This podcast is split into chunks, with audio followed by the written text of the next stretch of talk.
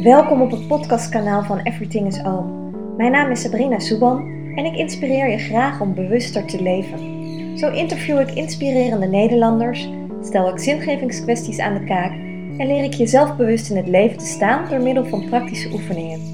Ik wens je heel veel luisterplezier.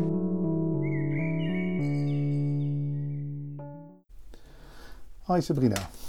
Ja, Hoi. hi Patrick. Dankjewel voor de uitnodiging. Ja, zitten we ineens andersom. Ja, leuk om hier te zijn. Maar ook leuk om nu al die vragen op jou te mogen afvuren. Oh, ja, want ik heb jou net het hemd van het lijf gevraagd, hè? Ja, precies. Hoe vond je dat? Nou, eigenlijk wel leuk. Ja. Oh, het is misschien gek om te zeggen hè, dat het zo leuk is om over jezelf te praten. Nou, je leert ervan, hè? Ik heb, ik, daarom vind ik het ook leuk dat we de rollen nu omdraaien. Ik weet zeker dat jij mij iets gaat vragen wat mij aan het denken gaat zetten. En wat mij misschien wel zelfs morgen een idee geeft of overmorgen zegt, daar moet ik mee stoppen. Daar.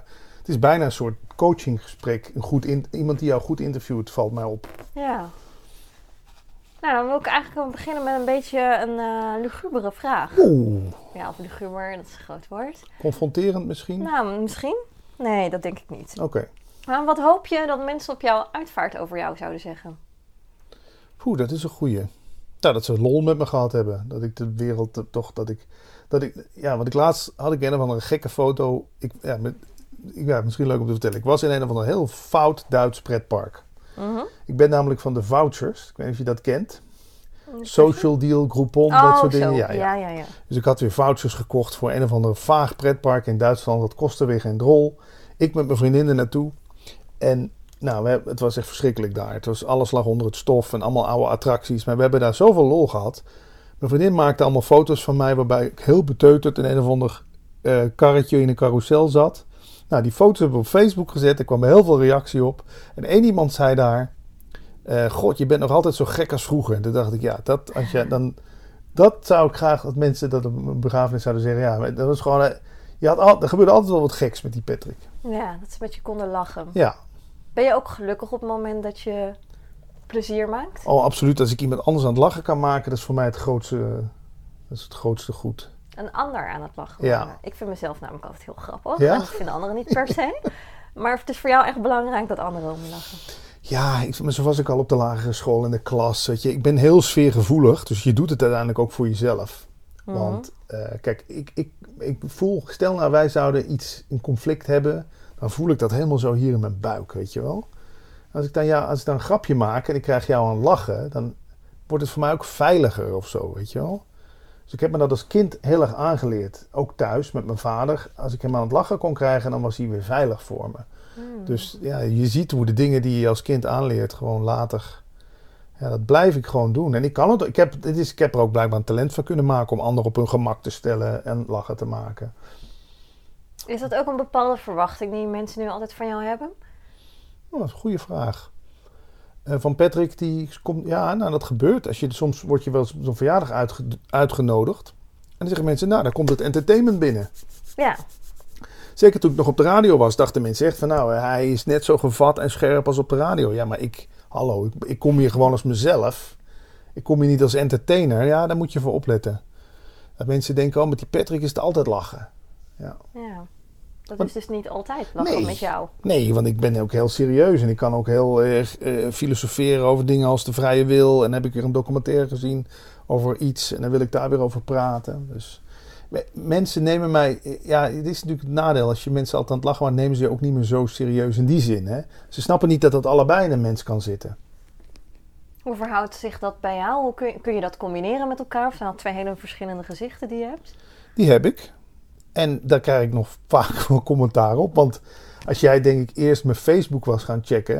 Ik weet niet of je dat gedaan hebt. Voordat je ja zei op een interview met Nee. mij. Alleen LinkedIn. Ja, nou, kijk, op, LinkedIn, op Facebook hang ik de lolbroek uit. Ik werk samen met de Lachspier, dat is zo'n Facebookpagina, Ja. waar we echt heel veel bereik mee creëren. En dan zet ik gewoon flauwe plaatjes op, flauwe quotes, ehm, grappige dingetjes. Ik speel op de actualiteit, ik dat, dat vind ik ook leuk. Viral scoren met grappige plaatjes. Ik heb dat trouwens wel gecheckt. Ja? En toen dacht ik nog, oh, dat zal wel een andere Patrick zijn. Ja, hier. Ja, nou precies. En dat Ja. krijg ik natuurlijk vaak van mensen te horen die zeggen dat je je daar nog mee bezighoudt. Dan voer je zulke leuke gesprekken en dan hou je met die lage trilling bezig. zeg ik alleen maar, ja, humor is voor mij geen lage trilling. Als ik jou aan het lachen kan krijgen, linksom of rechtsom. Ik bedoel, Hans Goomba, dat zijn allemaal, vind ik, kunstenaars. En dat, die maken, gebruiken ook KUT-woorden en poep en pies. En, snap je wat ik bedoel? Hm. Dus dat, ja, ik, wa- wa- wat zegt dat dan? Vind ik een beetje krampachtig en eh, kort gedacht van jou. Als, niet jou, maar iemand in het algemeen. Als die Mm. denkt, ach, daar kan niks zinnigs uitkomen. Als hij zich met zulke dingen bezighoudt, weet je wel. Is er een tijd geweest dat er ook niks zinnigs uit je kwam? Ja, meestal zo s'avonds. Zo, nee, s'nachts tussen 1 en 7. Nee, ja, ja, wat is zinnig? Ja, op de radio. Ik ben eigenlijk wel met de radio gestopt. Omdat ik dacht, ja, wat ik hier zit te doen. Wie heeft hier nou nog wat aan? ik kende jou helemaal niet van de radio. Ik luisterde vroeger altijd naar Noordzee FM. Dat Oh, bestaat ja. al niet meer. Ja? Uh, Veronica werd al te veel gepraat. Dus dat, eh, daar ging Die snel af bij jou. Ja. Wat deed je op de radio? Ja, ik heb eigenlijk alles gedaan wat God verboden heeft. Nee, ik heb ochtendshows, middagshows, avondshows. Ook wel veel artiesten gesproken, de grote der aarde. Eh, nou, kijk, waar ik de meeste reactie op kreeg, was... Maar ik belde bijna iedere dag in mijn uitzending met een verstandelijk gehandicapte jongen. Ivo. Daar kennen heel veel mensen me nog wel van. En die liet ik, in tegenstelling tot veel van mijn collega's, gewoon uitpraten. Ik voerde gewoon een normaal, gelijkwaardig gesprek met hem. Ja. Ik ging hem niet belachelijk maken. Hij ging mij niet belachelijk maken. Ondanks dat hij moeilijk uit zijn woorden kwam, liet ik hem uitpraten. En daar kreeg ik heel veel hartverwarmende reacties op. Ik denk, ja, dat is de Patrick die ik echt ben. Maar ik was ook wel eens de Patrick die dan iemand aan de telefoon voor de gek ging houden. Of die, ehm, ja, dan, die dat iets, bij iets te vrouwenvriendelijk seksistisch. Maar ja, Veronica was een mannenstation. De opdracht was ook, zorg dat die mannen het naar hun zin hebben. Dus ja, ik boog, als je het dan in yogatermen wil zeggen, boog ik iets te ver door naar die kant van de man onvriend, of de vrouw onvriendelijke macho man die ik eigenlijk helemaal niet ben. Hmm. Was je dat in die tijd wel? Keek je ook daadwerkelijk anders tegen vrouwen aan? Ja, ik zat wel meer in mijn ego. Ik ging wel meer. eh, ja, als je natuurlijk denkt dat het geluk in de wereld te vinden is, dan, ga je, dan wil je die knappe blonde vrouw naast je op die filmpremière. Dan wil je die dikke auto. Dan wil je veel geld op de bank. En dan wil je die stoere sneakers. En ja, ik, ik, ik heb het wel geprobeerd te zijn. Maar het, dat vervulde me absoluut niet. Nee. Maar terug naar de vraag. Ja, Kijk je anders tegen vrouwen aan? ja wa- wat is anders? Ja. Nou ja, je zegt vrouw onvriendelijk. Ik hoor daar al een bepaalde ongelijkwaardigheid in. Ja, dan kom je gauw uit bij dat je. Dat, ja, hoe, hoe, hoe uitte zich dat vrouwenvriendelijk? Het werd wel eens gezegd van Veronica dat we een vrouwenvriendelijke zender waren. Ja, dan stond op de poster stond toch weer een vrouw in bikini Veronica aan te prijzen. Ja. Ja, dat ken ik ook nog wel. Ja. En daar ga je dan wel in mee. Maar ik vind niet dat ik me heel denigrerend over vrouwen heb uitgelaten. Of eh, domme blondjes grappen. Of ik maak over alles en iedereen grappen. Over Limburgers. Ik kom zelf uit Limburg. Kijk, ik vind wel, humor moet universeel zijn. En eh, we moeten niet één groep uitsluiten omdat die niet tegen humor kunnen. Dus ik maak grapjes over homoseksuelen, over lesbiennes. Over... Voor mij is dat, eh, ja, ik zie geen onderscheid. Maar daar, werd, daar kwam natuurlijk nog wel eens reactie op. Ja. Ook grappen over jezelf? Ja, absoluut. Zeker nu.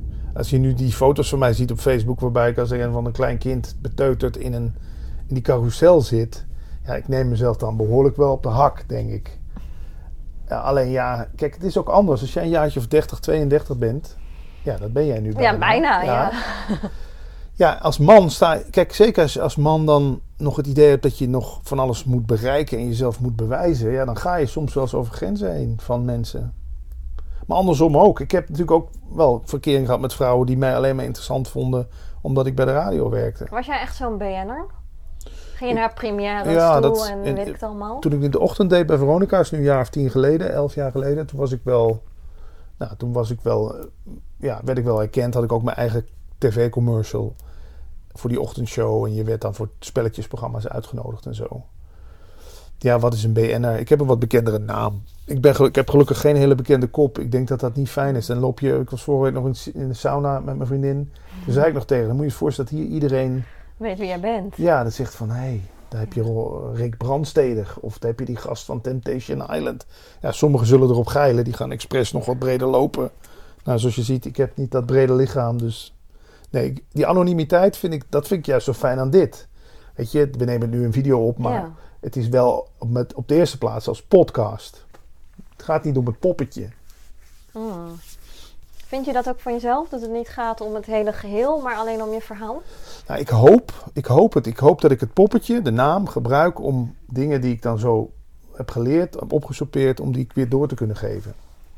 Ik zie mezelf toch als een soort spirituele spons. Ja. Spirituele spons. Ja, ik heb hier 200 mensen op deze bank gehad hè, door, door in de afgelopen drie, vier jaar. En, en naar Portugal gegaan om Muji te interviewen, Eckhart Tolle eh, gesproken. Al die Byron Katie, al die naam, grote namen in de spiritualiteit. Adyashanti laatst. Ja, dat zuig je toch op. Maar waarom de focus op spiritualiteit? Ja, waarom? Omdat ik het in alle andere zaken allemaal al gezocht had en niet heb kunnen vinden. Dus geld. Wat kon je niet vinden? Nou ja, ja, toch een soort basisgeluk.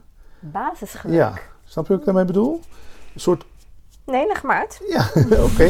een soort onverwoestbare tevredenheid, weet je wel? Een soort van gevoel van binnen, everything is oom. Ik krijg kippenvel als ik, als aan denk. Dat is wat jou, de naam van jouw podcast, dat zegt het allemaal.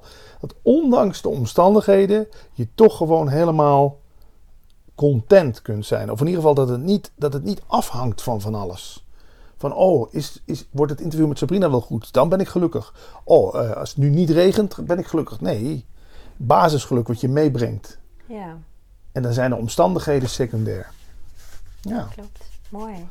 Als je jezelf een cijfer zou geven, de mate waarin je geluk ervaart, schaal 1 tot 10. Met een 1 is echt het ultieme dieptepunt. En een 10, nou gelukkiger kun je niet zijn. Waar nou, je Het schommelt een beetje tussen de 8 en de 9, denk ik. Ja. Ja. Dat is aardig hoog. Ja, dat is best hoog, ja. Ja, leg eens uit. Ja, omdat het dus niet meer zo afhankelijk is van of, of jij of niet, jij wel of niet op tijd komt, of jij of niet wel mij interessant vindt, of dat mijn vriendin wel of niet zegt ik hou van je. Snap je? Ik, ik heb heel erg toch geleerd het, ja, het niet meer te laten afhangen van dingen. Ja, en dan schommelt het, dan blijft het op een wat hoger niveau. Je zegt ergens tussen de 8 en of het schommelt tussen de 8 en de 9. Laten we even voor het gemak zeggen een 8,5 ja, gemiddeld. Oké, mooi. Ja, ja wat, wat zou er anders zijn op het moment dat het een 9 is? En stel, morgen is jouw geluk een echt standaard een 9. Waar merk je dat het eerste aan als je wakker wordt? Uh, ja, een soort energie. Uh, een soort uh, oh gevoel, weet je wel. Van, oh, we gaan vandaag dit. En ja, ik ben mee... Kijk, het, het, kijk, als ik nu morgen horen zou krijgen dat mijn vader is overleden... zou ik heel erg vinden. En om dan nog te zeggen dat je dan nog een 8,5 bent. Nee, dan zakt het denk ik wel naar een, naar een 7 of zo. Ja. Maar het, het, het zakt dan niet naar een 4. En ja, ik, andersom merk je het inderdaad. Ja, ik, er zijn nog wel dingetjes die mij eventjes gelukkig maken. Ik bedoel, ehm, ja, eten heb ik bijvoorbeeld als echt, echt lekkere maaltijd. Ja, dan kan je er wel nog dat je denkt, wauw, weet je wel. Oh. Dan stijgt hij even omhoog. Ja, dan gaat hij even... dus ik, ik ontken niet dat er dingetjes zijn in de wereld die je nog gelukkig maken. Maar ik ben er ook achter gekomen, in het mooie zit het lelijke al opgesloten. Dus ja, die maaltijd geeft me nu geluk, maar ik weet ook, ja, ik heb nu te veel gegeten. Dus uiteindelijk, hè, net als met geld. Dan heb je geld en dan ben je weer bang dat het verdwijnt. En als je geen geld hebt, dan denk je weer van, oh, ik moet, ik, het is ook weer een motivator om je best te gaan doen, zodat je weer meer geld krijgt. Dus ik, ik ben er ook wel achter gekomen dat niks in de wereld maar één kant heeft. Relatie, leuk, maar daardoor ja, zijn er ook mindere dagen. Ben je ook gebonden? Ben je ook, uh, moet je ook mee naar, dat, naar die borrel waar je eigenlijk geen zin in, in had? Want dat doe je dan voor je vriendin. Ja. Dus, voor het geluk van de ander. Ja, een beetje wel, ja. ja. Ben je een pleaser? Ben ik wel heel lang geweest. Ja. Nu niet meer zo, hoop ik. Ik kan er wel mee leven als jij, ja, als jij dan nu even niet zo lekker in je vel zit. Dan probeer ik wel wat dingetjes. Maar ik denk, ja, als dat dan niet lukt, ja. Ik heb wel geleerd dat die schade... Kijk, ik kom uit een gezin waarbij mijn moeder en vader konden ruzie hebben. En tien minuten later kwam mijn moeder zo de kamer binnen. Wil er nog iemand koffie? Wil je nog wat lekkers bij de koffie? Weet je, die de koning, koning en koningin in gevoelens wegdrukken. Ja. Ja, dat heb ik heel lang ook gedaan. Dan hadden we ruzie gehad en dan kon ik daarna, tien minuten later, tegen mijn vriendin zeggen: Zal ik lekker een pizza bestellen? Weet je, dan dacht ik ook: Wacht eens even, we hebben net ruzie gehad. Weet je, dan deed ik gewoon net alsof er niks gebeurd was. Dat is heel ingewikkeld. Mijn vriend kon dat ook altijd heel goed. En dan dacht ik: Ho eens even. ja, wat is hier? even uh, tien stappen terug. Ja, ja, ja, ja. Dus ja, ik ben daar, uh, daar heb ik me wel geleerd. Dat, hoe heb je dat geleerd? Ja, hoe leer je dat? door schade en schande. Door ook te zien dat die ander. Eigenlijk neem je die ander gewoon ook niet zo serieus als je hem niet gewoon zijn. even in zijn ding laat. Ja, zo voelt dat. Ja, Ja. Zo voelt ja. dat voor mij. Ja. Ik bedoel, oh, wacht even. Wil je alleen die ene kant van mij? Alleen maar die leuke halala kant. Mijn vriendin is een tijdje een beetje depressief geweest. Ze heeft een burn-out gehad. En daarna was ze, vooral in de winter, is zij ook, heeft ze iets meer last van die winterdip. Ja. Nou, hebben we nu eh, drie weken Curaçao geboekt in december. Dan hebben we in ieder geval dat al een beetje... Even vitamine D Ja. opdoen. even. Maar zij mag. Ja, waarom zou je in een relatie niet inderdaad eventjes gewoon boos mogen zijn, verdrietig, niet lekker in je vel? Ja, het is een kwestie van een totaalpakket. Ja, het mens zijn. Ja, maar ja. Wat is onvoorwaardelijke liefde? Onvoorwaardelijke liefde, wat is dat? Ja, dat is denk ik toch iets wat niet in de wereld te vinden is. Wat iets is wat we van nature op de achtergrond zeg maar bij ons dragen. Dat, ik noem het wel eens de draagmoeder van de wereld. Weet je wel? Dus de, ik kom dan uit de Advaita Vedanta hoek, non-dualiteit. Daar wordt heel erg gezegd van wat jij eigenlijk bent, zit aan de achterkant van de wereld. Een soort van dit te aanschouwen zonder dat het een oordeel heeft daarover. Mhm. We, de, de ellende begint als we ons alleen maar identificeren met dit poppetje. Dan moet dit poppetje alles goed doen en dat moet overal iets uithalen. En is de hele tijd bang, want oeh, de, de wereld, eng. Nou, ik heb wel uit die Advaita Vedanta geleerd dat er gewoon ook nog een plek is in onszelf die losstaat van de wereldse omstandigheden. Dus dat, als ik dan al een definitie van onvoorwaardelijke liefde zou moeten geven, dan is dat die plek. En de liefde die je voelt... Je hebt een dochter, toch? Ja. De liefde die je voelt voor je dochter, is dat onvoorwaardelijke liefde? Ja, vind ik lastig. Ik vind dat lastig, want dat is de grootste test van allemaal. Want die doet Ja. natuurlijk precies waar ze zelf zin in heeft. En die, die is een enorme spiegel voor je. Ik heb het met haar ook wel geprobeerd in het begin. Dan, dan dacht ik van, oh, weet je, ik moet er nog meer verwennen en zo. Maar ja, je ziet gewoon, dat werkt averechts. Het is even leuk, maar zij wil ook, ik heb dat ook heel erg geleerd. Zij wil, zij wil bijvoorbeeld ook begrensd worden. Dat merk ik echt aan haar. Hè? Ze, een kind heeft die, lijkt wel, ik weet, jij, hebt pedago- pedagogiek gestudeerd. Maar het lijkt alsof een kind echt bij jou zegt: geef mij die grenzen. Laat mij zien wat het kader is waar ik in moet opereren en wat niet. En dan, ik ben zelf opgegroeid met een vader waar, die overal commentaar op had. En, van- mijn moeder mocht alles. Is natuurlijk super onveilig voor een kind. Want dan mag je van die kant alles en van die kant mag je niks. Oeh. Ja. Weet je- Wat moet je dan doen? Ja, ik moet ze allebei te vriend houden of tevreden houden. Hoe dan moet ik maar zorgen dat hij niet ziet wat ik van haar mag. En een enorme spagaat. Ja. Dus ja, dat is, dat, ik, heb, ik leer daar wel van. Ik vind dat, ik vind dat oh, langs de ene kant ook wel weer een mooie ontdekkingstocht. Wat een kind nou echt van je wil. Ja. We hadden het er net al even iets over, hè? over projectie. Wat je eh, als ouder vaak aan je kind wil geven. Heb jij ook iets wat je zelf hebt gemist in je leven? Of wat je graag had gewild?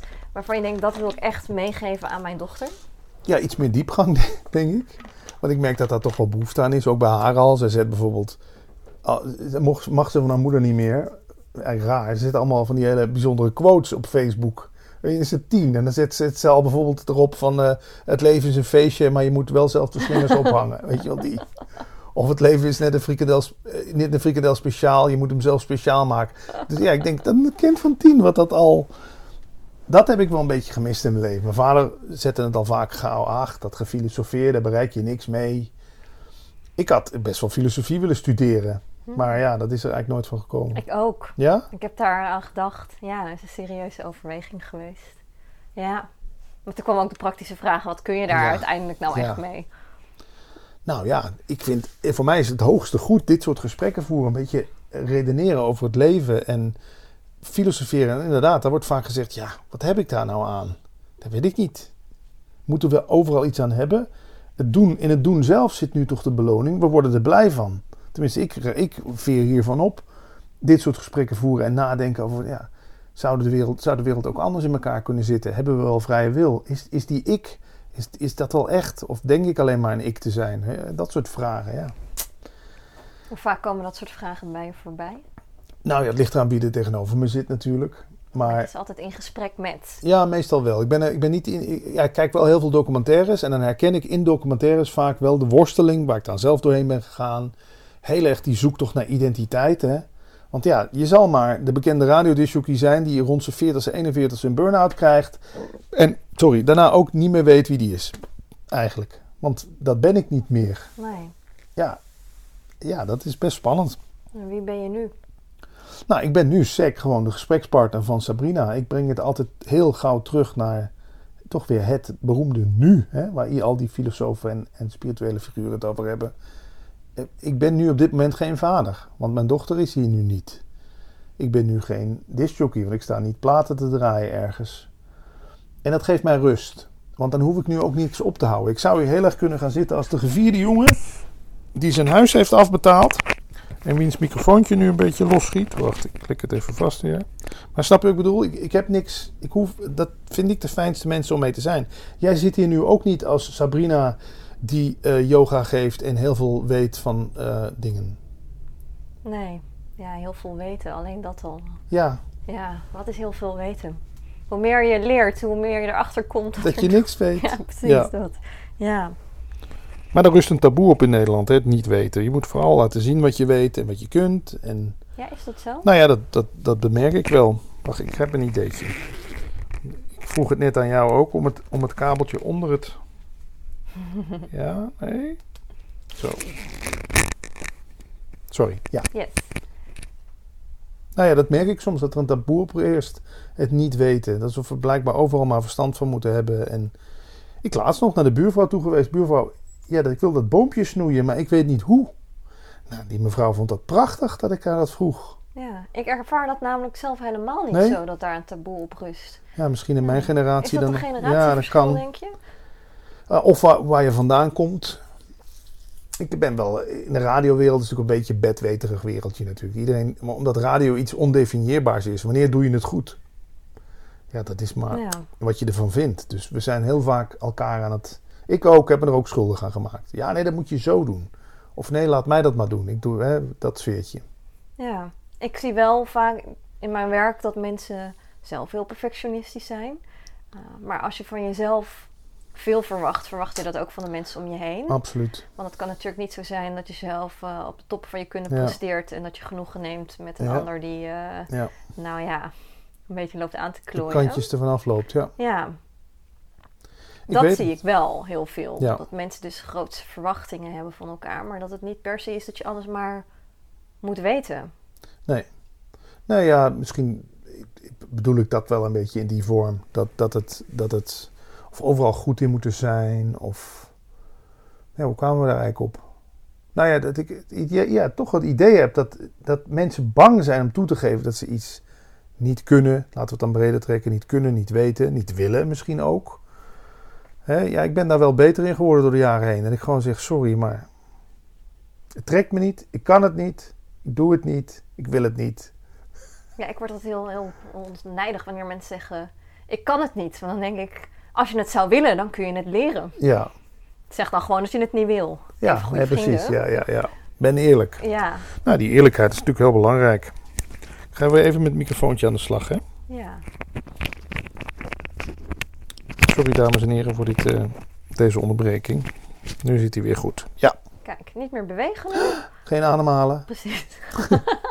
Het is ook een interessant experiment. Ja, Ja, hoe lang houden we dat vol? Dat eens opnemen? Ja. we jou helemaal rood aanlopen. Dan is het wel een toevoeging om alles op beeld te hebben. Ja. Wacht, Ja. ik doe nog een lampje extra aan. Zo, nu zijn we compleet. Ja. Als jij een eh, dier zou zijn, welk dier zou je zijn? Eh, schildpad. Dan leef je lekker lang. Wordt er ook niet zoveel van je verwacht. Ja, is dat zo? Nou ja, Ik weet niks over schildpadden. Nou ja, weet je, ik zit zo. Dit is de eerste die me er binnen schiet. Ik, Ja. ik heb natuurlijk heel lang heel veel van mezelf verwacht. Mhm. Ook om mijn vader tevreden te stellen. En om eh, dat ze trots op me waren, mijn ouders. Ik heb zo'n idee van een schildpad dat hij zich maar gewoon zelf beweegt. En hij kan zich lekker terugtrekken in zijn schulp natuurlijk ook als het hem niet meer zint. En hij leeft lekker lang. Ja. Nou, leef lekker lang. ja, Dat is iets waarom ik geen schildpad zou willen Nee? zijn. Nee. van jou hoeft het niet zo lang te duren. Nou, vroeger zei ik altijd... Laat maar maar doodgaan als ik een jaar of 50, 55 ben. Inmiddels ben ik daar wat van teruggekomen. Ik hoop niet dat ik nu iets op mezelf Hm. heb afgeroepen. 60. Maar nou, ik... Nee. eh, ik weet niet of ik heel, heel oud zou willen worden. Nee. Want Het lijkt me zo... eh, ja. saai? Nou, als ik zo kijk naar... eh, ik heb best wel ook wat oudere mensen in Lussen. Ik zie daar heel veel verschil tussen.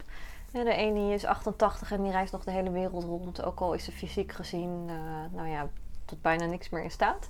Eh, terwijl de ander eigenlijk alleen maar nog achter de geranium zit te wachten totdat het einde oefening is.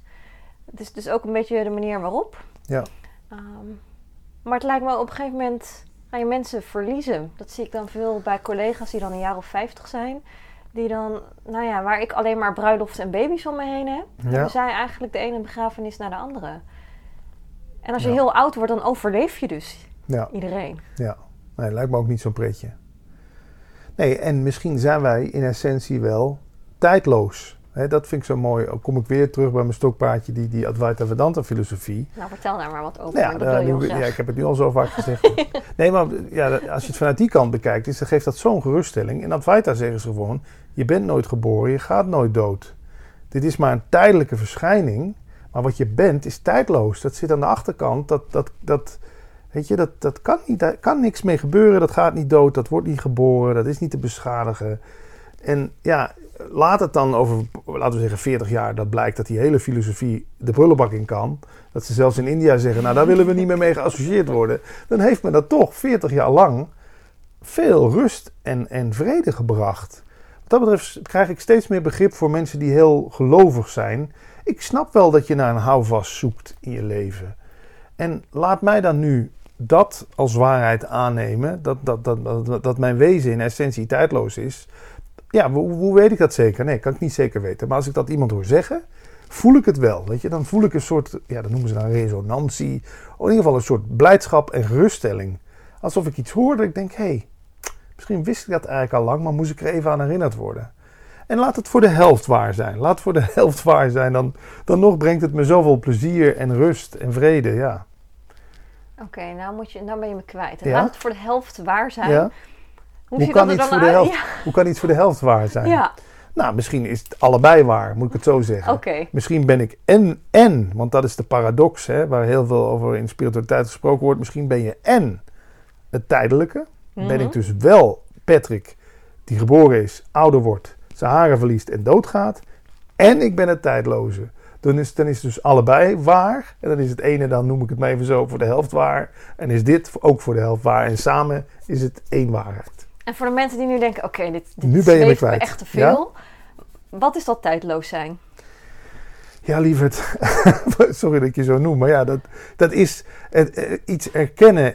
Herkennen wat in jou zit, wat in mij zit, wat in ieder diertje zit, wat in, wat in een plant zit. Een soort, de, noem het het leven. Het ene leven, wat in alles zit wat leeft. Ja, ik vind dat mooi, omdat, her, omdat een soort van... Want dan ga ik toch ook veel voorzichtiger met, met een plant en met jou om. Want ik dan, als ik dan die plant knak, of ik zeg iets heel vervelends tegen jou, dan heb ik toch mezelf eigenlijk ook. Want ik ben ook het ene leven. Snap je wat ik bedoel? Ja, ik, ik begrijp wat Ja. je bedoelt. Ehm, maar ik denk dat er een heleboel mensen zijn die echt geen idee hiervan hebben. Dus laten we hem iets concreter maken. Ehm, laten we gewoon maar eventjes een heel, eh, heel duidelijk beeld schetsen. Eh, als je je nou zou richten tot alle criminelen in Nederland. Ja. En hoe zou je dit nou uitleggen? Die zijn allerlei dingen aan het doen waarmee ze het leven om zich heen kwaad doen. Waarmee jij Ja. zegt, dat doe je ook jezelf kwaad. Nou, ik denk dat zij op, op een bepaald niveau dat wel voelen, maar dat kunnen ze uitschakelen voor zichzelf. En ik, eh, ik denk dat zij het naar hetzelfde op zoek zijn als waar ieder mens naar op zoek is. Dus rust, vrede en geluk. En liefde. Rust, vrede, geluk en liefde. De fijne dingen, zullen we maar zeggen. Alleen zij denken dat te bereiken door bijvoorbeeld heel rijk te worden. Of ze denken dat te bereiken door een status te verwerven als de grootste crimineel van Nederland. Of status te verwerven als van kijk eens waar ik in rondrij. Maar in essentie durf ik te beweren dat, dat, dat de grootste criminelen op aarde. En ook de IS-strijders. Maar ook Moeder Teresa. Dat we allemaal in essentie zoeken naar dat ene. Alleen ja, hoe denk je het te bereiken? De een denkt het te bereiken door heel veel likes op Facebook. Door eh, heel sexy gevonden te worden. Of door heel veel aandacht te krijgen. Zo, zo zou ik het dan vertellen. Maar ja, waarschijnlijk schieten ze mijn kogel door mijn knie. Dan heb je nog geluk, denk ik. Als het alleen mijn knie, knie is, ja. Ja. Maar het is natuurlijk, ja, ik ben nooit echt heel erg met criminaliteit in aanraking geweest. Dus voor mij, ik heb wel twee keer een poging tot inbraak gehad. En ben ik wel eens bedreigd? Maar misschien een beetje online. Hmm. Ja. Daar krijg je als soort van BN'er ook wel mee te maken. Ja, je roept het ook wel op jezelf af. Want ik ben iemand die dan ook wel eens op Twitter zet waar andere mensen. Dan roep je het ook over jezelf af.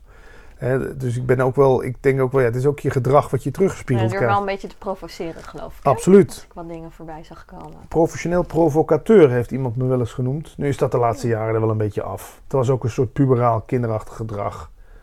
Dat ik dan dacht van, als ik jou maar lang genoeg tegen je schenen schop, dan ga je vanzelf wel terugreageren. Zo, weet je, dat sfeertje. Daar was blijkbaar een fase waar ik nog doorheen moest. Waar je nog doorheen moest.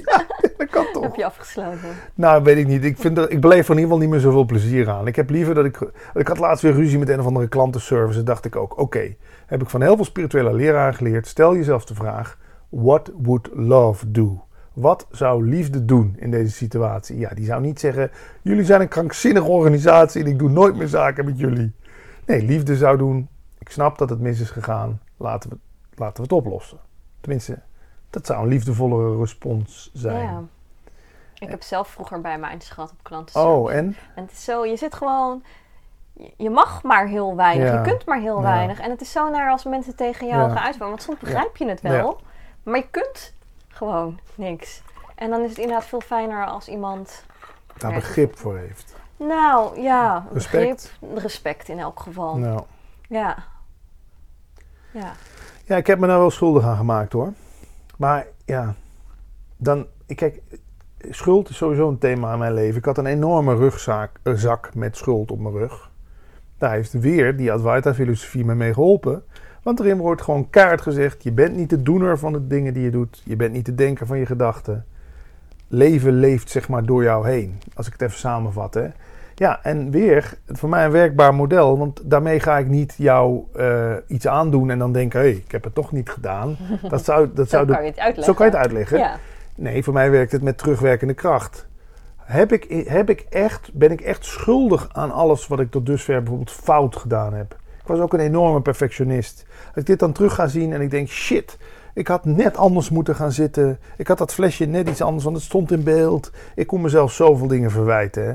Maar achteraf dacht ik altijd van, ja, maar je hebt toch gewoon gedaan wat je dacht dat goed was. Heb je wel eens opzettelijk iemand kwaad gedaan? Ja, dat denk ik dus niet.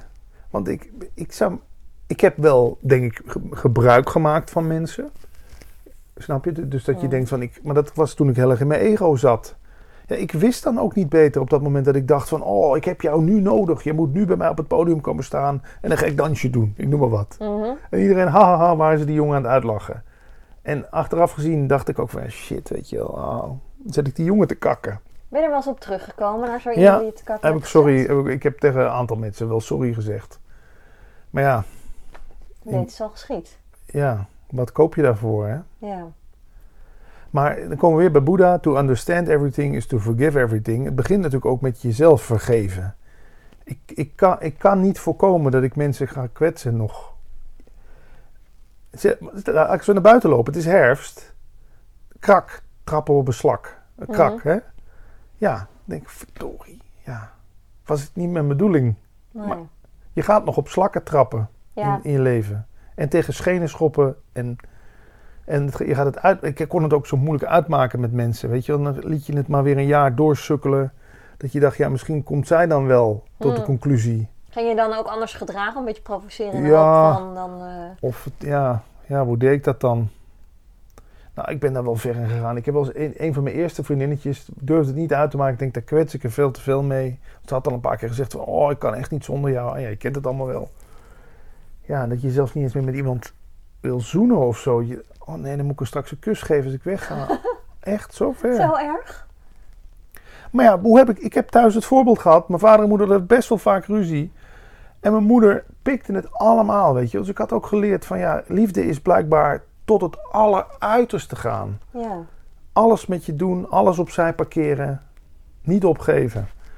Ja, dat was mijn voorbeeld, ja. Dus ik, heb, ik dacht ook dat dat de bedoeling was in een liefdesrelatie. Heb je veel relaties gehad? Valt mee. Ik heb, de vorige relatie was zes jaar, nu, nu bijna drie jaar. Ja, Dat zijn ook de twee relaties van je leven? Nee, daarvoor wel ja, twee jaar, dan weer eens een jaar. Ja, ik, ja, ik ga natuurlijk al een tijdje mee. Ja, dus best wel, best wel wat. Ja, toch wel eigenlijk, als Ja. ik het zo bedenk. Maar toch voelt het niet zo. Nee. Leg dat eens uit. Ja, omdat voor mij, ehm, waar het natuurlijk om gaat, is niet het poppetje. Vind ik. Hm. Het gaat om wat in het poppetje zit. Dus eigenlijk bedrijf je de liefde met het leven. Ja, dat klinkt misschien ook weer zo heel zweverig. Maar ik heb bijvoorbeeld ook ooit een Jack Russell gehad. Een hondje. Die leeft niet meer. Maar daar bedreef ik niet de liefde mee. Dat was mijn volgende vraag. Ja, ja, ik voelde hem al. Maar uiteindelijk werd, ik- kon ik daar wel net zo blij van worden als van mijn toenmalige vriendin. Dus ik ben wel een beetje gaan ontdekken van, weet je, het liefde is niet een, voor mij niet een werkwoord, maar meer iets, ja, een herkenning. Dus we herkennen in elkaar de liefde. En dat dan ook nog een stuk aantrekkingskracht bij komt en erotiek en, en, en dat hele seksuele selectiespelletje. Oké. Maar uiteindelijk kan ik net zoveel liefde beleven aan, weet ik niet, zelfs een karakter op tv. Ik kan in een serie, ik zit nu zo'n Spaanse serie te kijken, Visa 4, ik weet niet of je hem kent. Nee. Netflix, prachtig. Ja, ik kan echt intens van die mensen houden die daar super acteren. Terwijl het zijn mensen op een scherm. Maar is dat dezelfde liefde die je voelt als voor je vriendin? Ja, dat komt wel aardig in de buurt. Ik heb toch die universele liefde, vind ik de fijnste liefde. Ik hou niet van liefde van als ruilmiddel. Ik geef jou vandaag een ontje liefde, maar dan wil ik ook een ontje liefde van jou Ja. terug. Want anders, en OB, als jij stom doet, krijg je van mij niet dat ontje liefde vandaag. Dan is het voorwaardelijk. Ja, Ja. dus die onvoorwaardelijke liefde is, zelfs als jij vandaag ontzettend ah, ah, rot tegen mij doet, dan toch nog weten, ja, maar daarachter. Ik heb voor de spirituele leraar wel eens. je- Ja, jij gaat lachen, dat weet ik nu al. Voor de spirituele leraar Jan van Delden. Ja, hij noemt zichzelf niet eens spirituele leraar. Hij noemt zich vriend zonder voorwaarden. Vind ik ook al mooi. En je kan hem inderdaad gewoon midden in de nacht opbellen. En eh, als je vragen hebt, dan, nou, dan pakt hij gewoon de telefoon op. En dan hoeft hij niks voor terug. En dan, je moet ook niet lid worden van zijn club. Maar die heeft me ooit geleerd, als je ruzie hebt in een relatie. Doe dan even zo. Zie je het Staat er goed op. Ja, Ja. hand op boven je hoofd. En waarom? Waarom?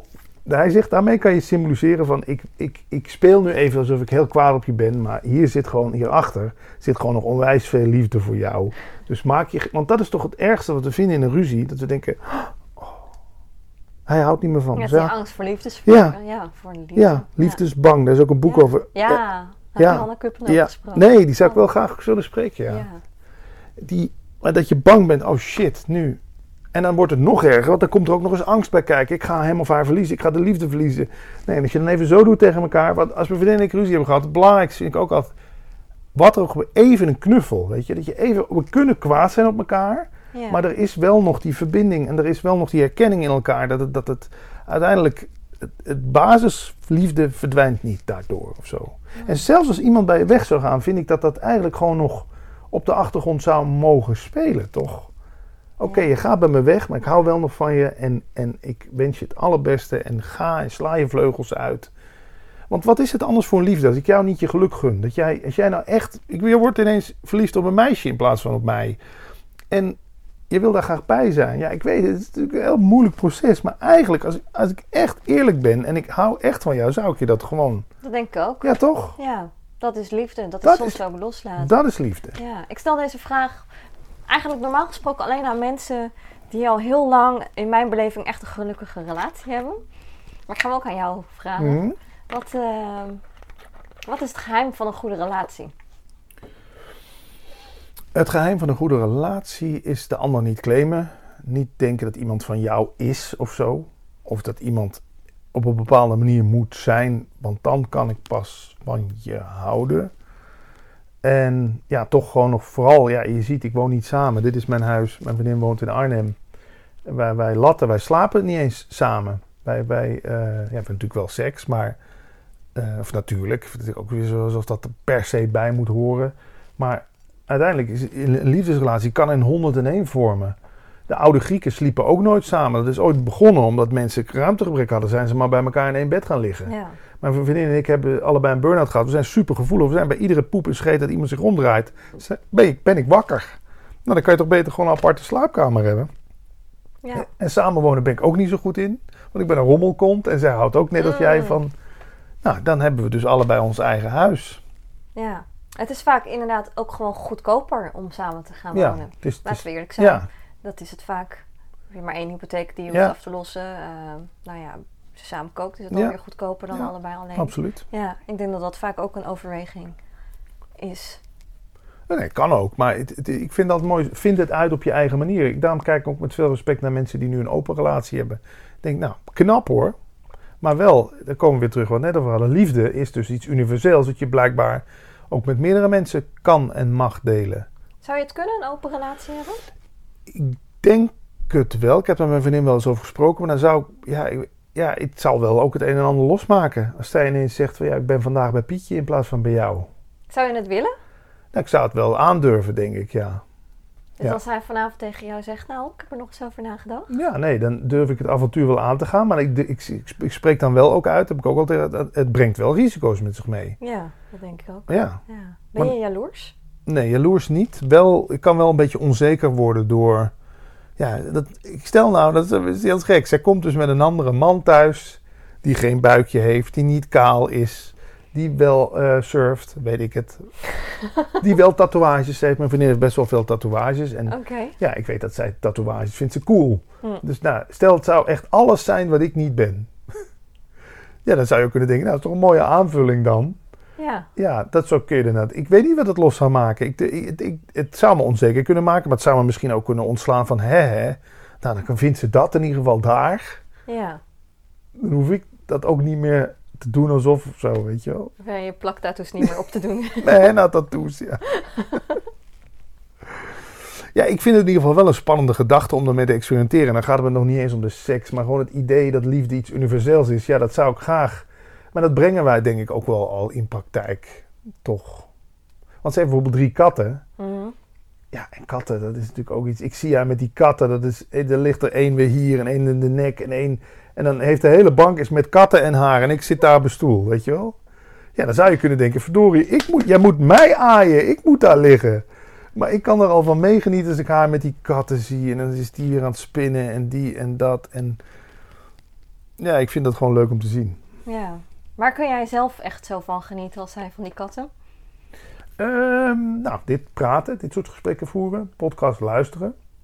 Documentaires vind ik fantastisch. Ik kijk er drie op een dag of zo als ik er de tijd voor heb. Serieus? Ja, omdat je dan in een andere wereld verdwijnt. Dan zit ik ineens in India. Want zo, ik kan me echt mijn aandacht daar leggen en dan ben ik er gewoon even niet. Vroeger had ik dat met films, tegenwoordig echt meer met documentaires. Eten. Dat was wel zo'n beetje, denk ik. Ja. En die documentaires, je zegt dan ben je echt zo in een andere wereld. Heb je dan niet de behoefte om die andere wereld echt te gaan ontdekken, om daar naartoe te gaan? Heb ik ook wel geprobeerd. Maar dan kom ik natuurlijk kom ik weer met mijn Advaita Vedanta shit om de hoek zeilen. Ik weet, het wordt vervelend, maar daarin wordt ook gewoon beweerd... Jij komt niet in de kamer, de kamer verschijnt in jou. Dus voor mij is het gewoon net als vroeger. Ken je zo'n Viewmaster, ken je dat nog? Dan deed je klik. Nou, dat is van mijn tijd, denk ik. Hè? Dan kwam er zo'n nieuw plaatje, Oh, klik. zo'n ding. Ja, Ja, ken je dat nog? Ja, ja, ja. Nou, als je het een beetje zo ziet, dan kan ik bijna... Tuurlijk is het niet hetzelfde als die geurruiker van in India zijn... en, en, en, en de warmte voelen en de drukte. En ik, ik geef wel toe, het mist een dimensie als je alleen maar naar een documentaire kijkt. Maar het is voor mij... Ja, ik verdwijn gewoon in die documentaire. En dan hoef ik er niet per se naartoe. Nee. Het is eigenlijk heel mooi dat dat voldoende voor je is. Ja, het scheelt een hoop gedoe. Ik ben nu benieuwd. We gaan dus nu naar Curaçao. Hoe dat gaat voelen. Is dan toch de andere kant van de wereld. En ik, ja, ik denk ook wel dat het iets... Natuurlijk, het brengt wel iets meer met zich mee. Maar... Ja, die, en wat ze in die documentaires natuurlijk mooi doen. Ze filmen drie jaar lang mensen. Mhm. Je krijgt wel even de mooiste of de meest indringende momenten van die drie jaar. Die krijg je weer op je bordje. Dus Ja. het is een soort samenvatting van een land of zo. Van een plek. Is Curaçao je eerste verre bestemming? Nee, ik ben wel eens naar de Dominicaanse Republiek geweest om indruk te maken op een toenmalige vriendin. Mm, die heb je meegenomen, neem ik aan. Ja, die heb ik meegenomen. Daar ging ik natuurlijk met mijn Visa Goldcard wapperen en dat vond ze prachtig. En ja, wat je niet allemaal doet voor de liefde. Of voor de, dat je denkt dat je de liefde moet verdienen of zo, hè. Dat het een werkwoord is. Maar voor de rest Amerika een paar keer. Voor mijn werk dan, voor de radio. Ja, Ierland vond ik leuk. Ik weet Ierse mensen vind ik iets hebben. En dat, dat, ik hou wel van die oudheid, ook van Ierland. Dat die oude gebouwen. En, maar in Nederland kun je ook mooie plekjes vinden. hè. Zuid-Limburg, het oosten van het land. Je hebt genoeg kastelen hier in, in, in de Wat vind je het omgeving. mooiste plekje van Nederland? Het mooiste plekje van Nederland is denk ik toch het Steinerbos. Nee. Steinerbos, ja, nee, ik ben geboren in Stijn. Nee. Oh. Nee, nee, niet het Steinerbos. De Postbank in Arnhem, ken je dat? Mm, ja, dat ken ik Ja, dat is mooi hè? Ja, dat is prachtig. Als het vooral helemaal zo paars is. Maar ik, ja, plekjes. Ja, het mooiste plekje is toch denk ik in jezelf gewoon... Als je daar die, die, positie, die ken jij waarschijnlijk ook, toch? Misschien dat je daar met yoga ook in komt of zo. Gewoon alsof je gewoon een beetje uitzoomt van jezelf en je ziet jezelf handelingen doen en zo. En dan kan ik al, dan kan ik intens ook van hier uit het raam kijken genieten of van vogels die voorbij vliegen. Of het zit voor mij niet meer zozeer in het, in het, in het speciale, in het, in het extreme of in het, in het ultieme. Nou ja, soms zijn het juist die kleine dingen, hè? of vaak zijn het die kleine dingen. Een blik of een, of een, ja, weet ik niet. Met kinderen kun je dat natuurlijk ook hebben. Hoe een kind dan nog helemaal kan schaten lachen. Daarom gaan al die mm. filmpjes zo viral. Ja. Ja, kinderen kunnen dat goed. Ook in het moment. Ja, helemaal opgaan in iets. Ja. Wauw. Dus dat vind ik dan, soms mis ik dat nog wel als kind zijn. Ik denk, ja, is dat, was dat toch niet de ultieme tijd gewoon? Snap je, toen je nog echt voor het eerst... Oh, we gaan naar de Efteling. Wauw. Ja, ik zou echt nooit meer kind willen zijn. Maar ik zou het wel heel leuk vinden om het leven andersom te leven. Dat je als 80-jarige op de wereld komt, maar dat je steeds jonger wordt. Maar wel die wijsheid nog meeneemt. Ja, ja, ja. Ik denk dat een kind zijn dan heel leuk had. Als ik dan zou weten dat het ja. allemaal uiteindelijk wel goed komt. Ja, ja, ja, ja. Nee, dat herken ik. Dat is eigenlijk oneerlijk aan het leven, ja. Dat het, dat het, ja, het lichaam takelt af en jij wordt van binnen steeds rijker. Ja. Vind je ouder worden een dingetje? Beetje wel, omdat ik toch al merk... Ja, ik zit dan nu een beetje in een soort... Misschien zit ik wel in een midlife crisis. Ik heb dat programma van de EO zitten kijken daarover. Ik herken daar wel dingen in. Zoals? Ja, toch dat je zin in seks terugloopt. Je wordt kalig.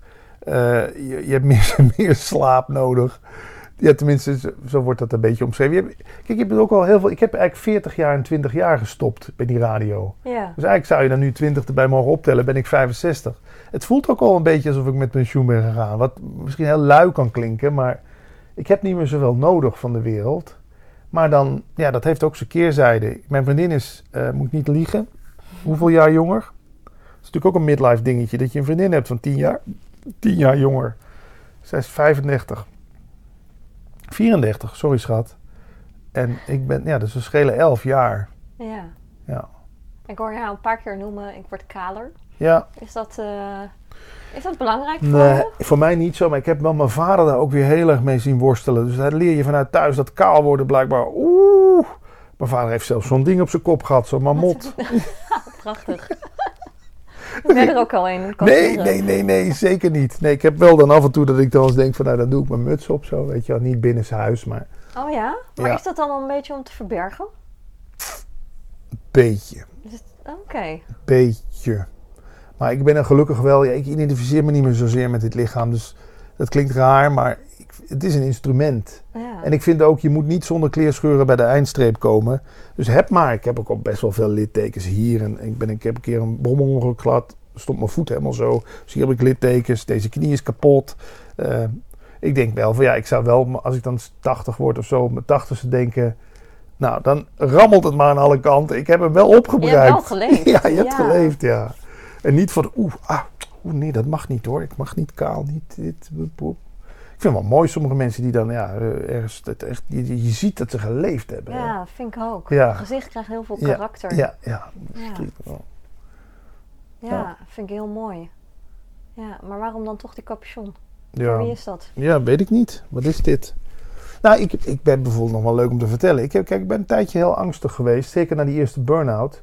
Had ik angstdekens over me heen liggen in bed. Anders kon ik niet slapen. Ik weet niet of je die kent, angstdekens. Het zijn hele zware dekens waar je je heel erg veilig onder voelt. Een beetje hetzelfde wat je doet met kleine baby's. Ja, ja dat. Ja, helemaal ingebakerd. Ja, kussen om vast te houden. Oordop in. Dingetje, zo'n Gordon-masker voor mijn ogen. Capuchon op. Oh ja, joh. Ik lag helemaal als een soort mummie in bed. En het zweetbrakje uitzetten. Nee, nee, dus ja, dat, ja, dat zegt mijn vriend ook wel eens. Dat heb je toch allemaal aan? Want heb, ik heb het nu nog steeds een beetje hoor. Dat geeft me die veiligheid. Dat, ja, ik weet niet. Ik vind in bed liggen iets kwetsbaars. Ik weet niet wat dat is. Dat, heb is het ook. Ja. Ja. ja je, staat niet op scherp. ik bedoel, onderbewustzijn is wel ergens aanwezig, maar dat duurt even een paar seconden Absoluut. voordat hij iets registreert. En hoe vaak zie je niet in series dat iemand gewoon in zijn slaap wop, een mes in zijn donder krijgt. Ik heb zelfs een gevangenisserie gezien waar ze gewoon hup, kokende olie over iemand heen gooien in een... Oh. En ik ben, ik ben nogal goed gelover in die zin. Dat ik sla dat op. Ik denk, Ja. dat kan mij dus ook gebeuren. Ja, het is nooit uitgesproken. Nee, Dan praat ik jullie angst alleen maar meer nee, aan. nee, precies. Nee, maar ja, de wereld is natuurlijk ook uiteindelijk... Weet je, ik wil ook liever niet dat het... Ik wil het ook niet als sprookjes zien. De wereld kan een hele gevaarlijke plek zijn. Ja, Dat is gewoon zo. ja. En dus ook niet met spiritualiteit dat gaan wegzitten redeneren. Alles is liefde, namaste. Nee, er zijn inderdaad ook mensen die er gewoon op uit zijn om jou een rip uit je lijf te trekken. Of om jou iets aan te doen of te misbruiken. Of, ja, dat bestaat, ja. Die kant is er ook. ja. En dus ja, om terug te komen op die, die capuchon. Ik weet niet, ik heb soms wel eens, soms wil ik me een beetje, ik vind de sauna ook, ik kom er wel graag, maar ik vind het ook wel heel kwetsbaar hoor. Dan loop je daar, heb je geen kleren aan. Ja, ik vind het ook een beetje ingewikkeld. Ik vind het aan de ene kant vind ik het fijn. En aan de andere kant vind ik het toch een beetje ongemakkelijk Ja. met al die mensen die daar in een bloot kont lopen en zo. Absoluut. Ja, ik weet niet zo goed. Nee. Nee, ik, ben, ik heb daar ook, want en ik mijn vriendin wel een gesprek over gehad. Ah, ga nou mee. Ja, nee, we gaan niet op badkledingdag. We gaan gewoon, oké, ik ben er inmiddels wel over uit. En ik heb het ook een paar weken terug gedaan, maar dan denk ik toch, hmm, toch wel kwetsbaar. Ja, dat is het ook. Ja, Maar ja, langs de andere kant kan je ook denken, weet je, dat vind ik dan leuk. Jij, jij hebt dan toch een gevoel van, ik ga naar die Patrick toe. Dat is wel oké. Je zou kunnen denken, oh, moet die vent van me? Of wat, wat, dan zit ik daar met hem op mijn zolder. Dit zou jij toch ook als heel eh, intiem en kwetsbaar kunnen ervaren. ja. Is geen seconde me opgekomen eigenlijk.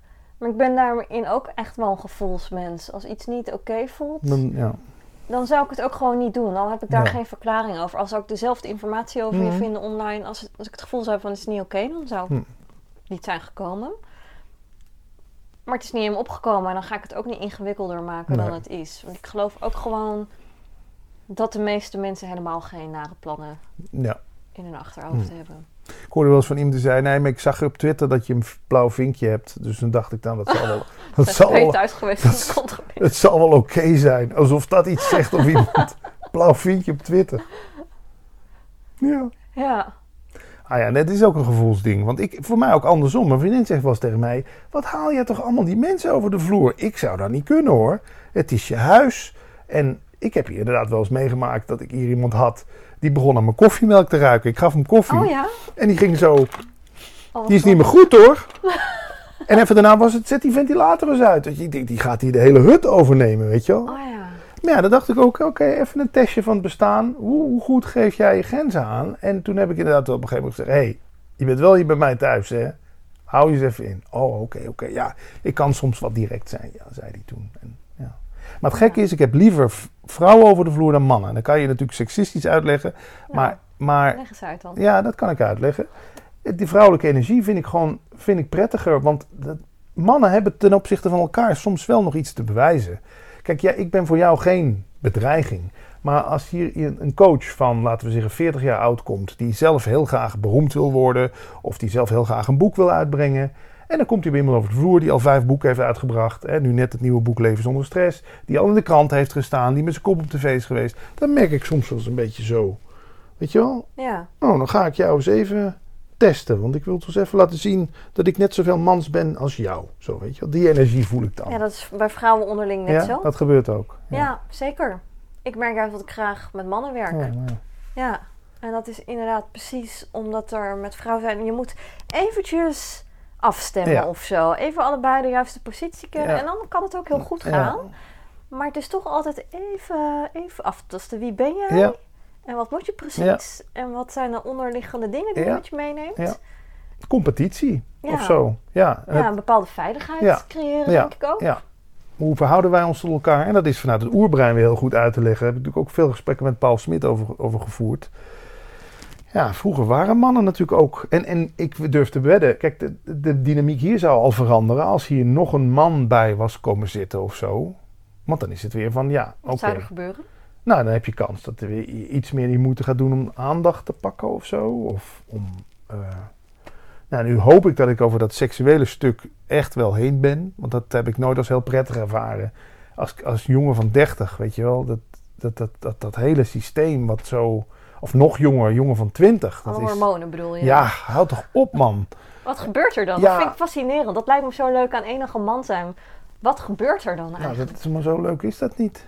Nou, leg uit. Nou ja, gewoon zeker als het dan weer zomer wordt en die blote benen komen weer tevoorschijn. Het, het wordt bijna... Ik heb wel eens een auto-ongeluk gehad, gewoon omdat ik zo... Een meisje op een fiets, gewoon ik... Boem! Rijd gewoon tegen een voorganger aan. Maar ik, zeker in deze Ja. tijd begrijp ik dat niet. Ik bedoel, als je nou een mannetje van 80 was, oké. Ja, Maar dan denk ik, het is de tijd van internet nee, en zo. maar, dat, en- ja, maar dan hebben we het wel alweer over 24 jaar geleden. Hè? Toen was dat toch Oh, niet ja. zo, hè? Toen Oh, was, ja. als het linten en werd, mijn wereldbeeld.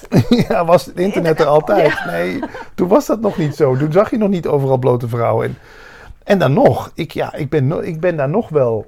Maar dat, ik, heb dat ook, ik kan ook van een mooie man genieten. In die zin van, ik zie schoonheid, vind ik wel. En dat kan je in een schilderij zien of een foto. Of, maar als, als 20, 21-jarige jongen is het wel... Die hormonen die gieren langs alle kanten. Dat voortplantingsorgaan, dat is... Je bent gewoon wat minstens geks, dan ben je geil. En je echt... Geen pretje hoor, echt niet. Je, lacht nu, maar het is echt Ik niet... hoor nog niet echt iets waarvan ik denk, nou, Nee, ja, nee, wat, niet wat onbekend klinkt. Of nou, nee, wat schokkend is. Ja, wat schokkend is. Nee, ik denk dat het bij vrouwen toch een beetje anders werkt. Ja, nee, maar dat is ik natuurlijk... zou nooit een auto-ongeluk kunnen veroorzaken, omdat ik denk, zo, dat is een knappe man. Nee, maar maar mannen zijn natuurlijk ook. Ja, je weet hoe dat systeempje werkt. Je vrouwen hebben maar een paar van die eitjes. Mannen hebben er duizenden van die spermacellen. Ik heb me dat wel eens laten uitleggen. Ja, mannen zijn natuurlijk wat dat betreft gewoon.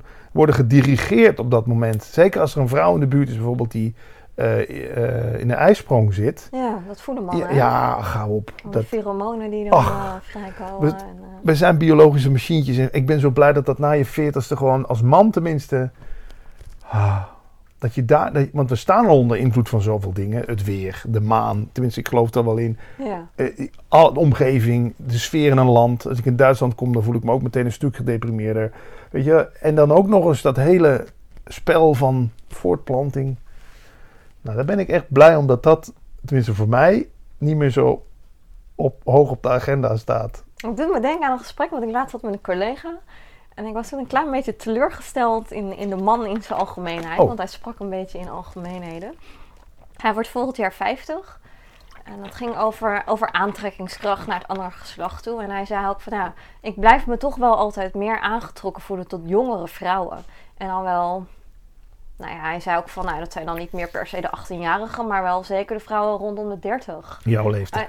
Ja, hij zegt dat is gewoon hoe het biologisch werkt bij mannen. Want ik kan me niet meer aangetrokken voelen tot een vrouw van 50. Terwijl ik dan eh, allemaal vrouwen ging aanwijzen. Ik zei, nou, dat is een vrouw die is misschien al wel 60, maar die is heel knap. En die is heel knap en die is heel knap. Ze zei, ja, ik vind ze wel knap, maar ik zou er niet mee naar bed willen. Wat hij met jonge vrouwen dan wel heeft. Is, blijft dat ook zo echt? Ja, ik ben bang van wel. Want de kans dat een baby eh, eh, gezond geboren wordt. En ook dat jij lang voor, voor die baby kan zorgen. En dat, dat, je bent een sterke vrouw. Dus de kans op dat de zwangerschap lukt en zo. Ik denk dat dat ook allemaal meespeelt. Een jonge vrouw is natuurlijk gewoon, hoe noemen ze dat, virieler. Eh, Ja. ja, het, het komt toch op dat voortplantingsinstinct aan, denk ik. Want ja, een vrouw van 50, daar kan je je niet meer mee voortplanten natuurlijk. Ik denk dat dat, dat ja, als je, als je uitgaat van dat we ook een biologisch machientje zijn, wat gewoon gedirigeerd wordt door de wetten van de natuur. Ja, dan ben ik bang dat dat toch meespeelt, Sabrina. Ja, toch wel. Ja, sorry dat we zo zijn. Ja. Ik, ik, ik, ik, maar het wordt beter, beloofd. Ja, oh ja? Wanneer, oeh, het wordt beter. Nou ja, dat ervaar ik dan. Ja, die jongen is, of die man is dan 50. Die heeft dat blijkbaar dan toch nog steeds. Maar Hij is ik- al heel lang gelukkig getrouwd Ja? hoor. Met een vrouw die ook Oh. wel eh, iets meer van zijn leeftijd is. Wel iets jonger. maar- Oké. Maar vind je het ook niet fijn dan dat toch... Ik weet niet, hoe is dat dan als vrouw? Ik ben nooit een knappe vrouw geweest. Maar hoe is dat om dan het idee te hebben dat mannen jou aantrekkelijk vinden of zo? Hoe is dat? Heeft, het- brengt dat nog iets met zich mee of is dat alleen maar vervelend? Ja, vaak wel. Ja. Ja, dan hangt er ook een beetje vanaf hoe iemand daarmee omgaat. Maar vaak voel je dat toch wel of merk je dat wel. En als iemand daar verder geen, eh, geen uiting aan geeft door opmerkingen te maken of zo, dan is dat oké. Ehm, maar ik krijg soms een beetje mensen die, of mannen, die dan een beetje van het haantjesgedrag gaan vertonen. Zeker wanneer ze inderdaad met meer mannen zijn. Ja, is heel ongemakkelijk. Of je wordt alleen maar, of gevoelsmatig alleen maar beoordeeld op je vrouw zijn. Terwijl ik dan ook wel eens denk, ik ben hier niet per se als vrouw, maar ik ben hier met een verhaal. Ja. Ik kom hier iets doen. Ja. Ja, Maar dat heb ik geleerd in de radiowereld. Daarom denk ik dat ik ook nu gewoon gelijkwaardig met alles en iedereen om kan gaan. Ik zeg niet dat het altijd lukt, maar ik werd als radiodisjockey ook vaak gedefinieerd als de radio-dj. Weet je? Mm. Maar dat, je wil niet gedefinieerd worden tot één ding, want je bent er nog veel meer. En als ik jou alleen maar zou definiëren tot vrouw, of tot eh 29-jarige, of tot yoga-lerares. Ik zit hier nu niet met een yoga-lerares. Dat is een van de, van de 50 dingen die jij is kunt een van de rollen die ik ja, vervul. of die je kunt spelen. Dus, en die gelijkwaardigheid zoek ik ook in mijn podcast Leven zonder stress vaak op. Ik heb met zwervers gesproken, met autisten, met, met inderdaad BN'ers. Met Kim Holland heeft hier op de bank gezeten. En dan, ja, natuurlijk kijk je in het begin een beetje op tegen Kim Holland. Je denkt toch, ja, dat is die pornoactrice. Die, die weet je, maar dan, zij is natuurlijk ook, ondanks dat, nog veel meer. Ja. En ik wil ook graag ontdekken, wat is Kim Holland nog meer? Kijk, dat je pornofilms hebt gemaakt of nog steeds maakt, dat weten we nu wel. Ja, Maar zij blijkt gewoon een hele, lieve, aan- een hele lieve, aanhankelijke vrouw. Die heel veel tips kan geven over hoe je bijvoorbeeld je liefdesrelatie eh, leuk kunt houden en zo. Nou, en dan had ik alleen maar gedacht: oh, ik zit hier met de pornoactrice. Vertel eens, hoe is dat? Ja, Dat weten we misschien ja, inmiddels dat weten we wel. Ja. Dus ik ben wel blij dat je me de kans hebt gegeven om, om, wat, om, wat andere kant van mezelf te laten zien. Want hoe vaak zit ik hier niet te zeggen: Nou, vertel eens, hoe was dat dan bij de landelijke radio? En wie heb je allemaal gesproken? En hoe ben je daar terecht gekomen? En eh, ja, dan denk je, maar dat ben ik niet meer. Ik ben dat niet meer. Nee. Nee. Ik heb nog één laatste vraag aan jou. Yes! Nou, niet dat het afgelopen is, maar ik ben benieuwd naar de vraag. Ja, ja. Ja, denk je dat ik klaar mee ben? Je voelt iets anders. Nee, is niet nee, zo. maar het was een grapje. Oké. Nee. Ehm, ik interview meestal alleen maar, of wat ik definieer als inspirerende Nederlanders. Jij had mij een berichtje gestuurd met misschien kunnen we elkaar interviewen. Ja. Daarmee had ik automatisch de conclusie getrokken dat jij jezelf een inspirerende Nederlander vindt. Vertel, wat, eh, wat maakt jou tot een inspiratiebron? Nou, ik denk dat ik wel voor mensen een voorbeeld kan zijn in de zin van, eh, ik heb het allemaal bereikt, zogenaamd, hè? eh, in het verhaal. Veel Ja. geld, huis kunnen afbetalen, met je kop op tv, met je kop in de krant, naar Miami vliegen om artiesten te interviewen. Dat is voor sommige mensen voor een soort hoog... Ideaal het plaatje, ja. Ik kan je vertellen dat dat, dat, dat, dat, dat eh, niet je gelukkig gaat maken. Dat, dat, het, dat het hem daar niet in zit. Laat ik het daarop houden. En ik denk dat dat wel inspirerend kan zijn. Want je, ik, en ook ik heb heel lang gevangen gezeten in het idee... Ja, ik kan dit niet opgeven. Want dit, dit is het hoogst haalbare. Mensen verklaren me voor gek als ik hiermee stop. Nou, ik ben ermee gestopt. En ja, me- mede dankzij met de hulp van een burn-out, laten we het zo zeggen. Want zo zie ik het. Burn-out is gewoon een hulp. Ja, Kan is nodig. Ja, het is Ja. gewoon even een breekijzer wat jou even... Ja, je wil niet, wil niet voelen? Ja, we moet je wel. Dan moet je wel. Nu moet je wel stilstaan. Of iets anders gaan doen. Ja, maar aan te geven, dus durf op te geven. Durf je, ook al heb je de ideale auto, de ideale eh, huis. Als het, je, als het je echt voelt, dat is het niet. Doe het. Weet je, ma- ma- maak die sprong. Want het gaat uiteindelijk gewoon, ja, het gaat je gelukkiger maken.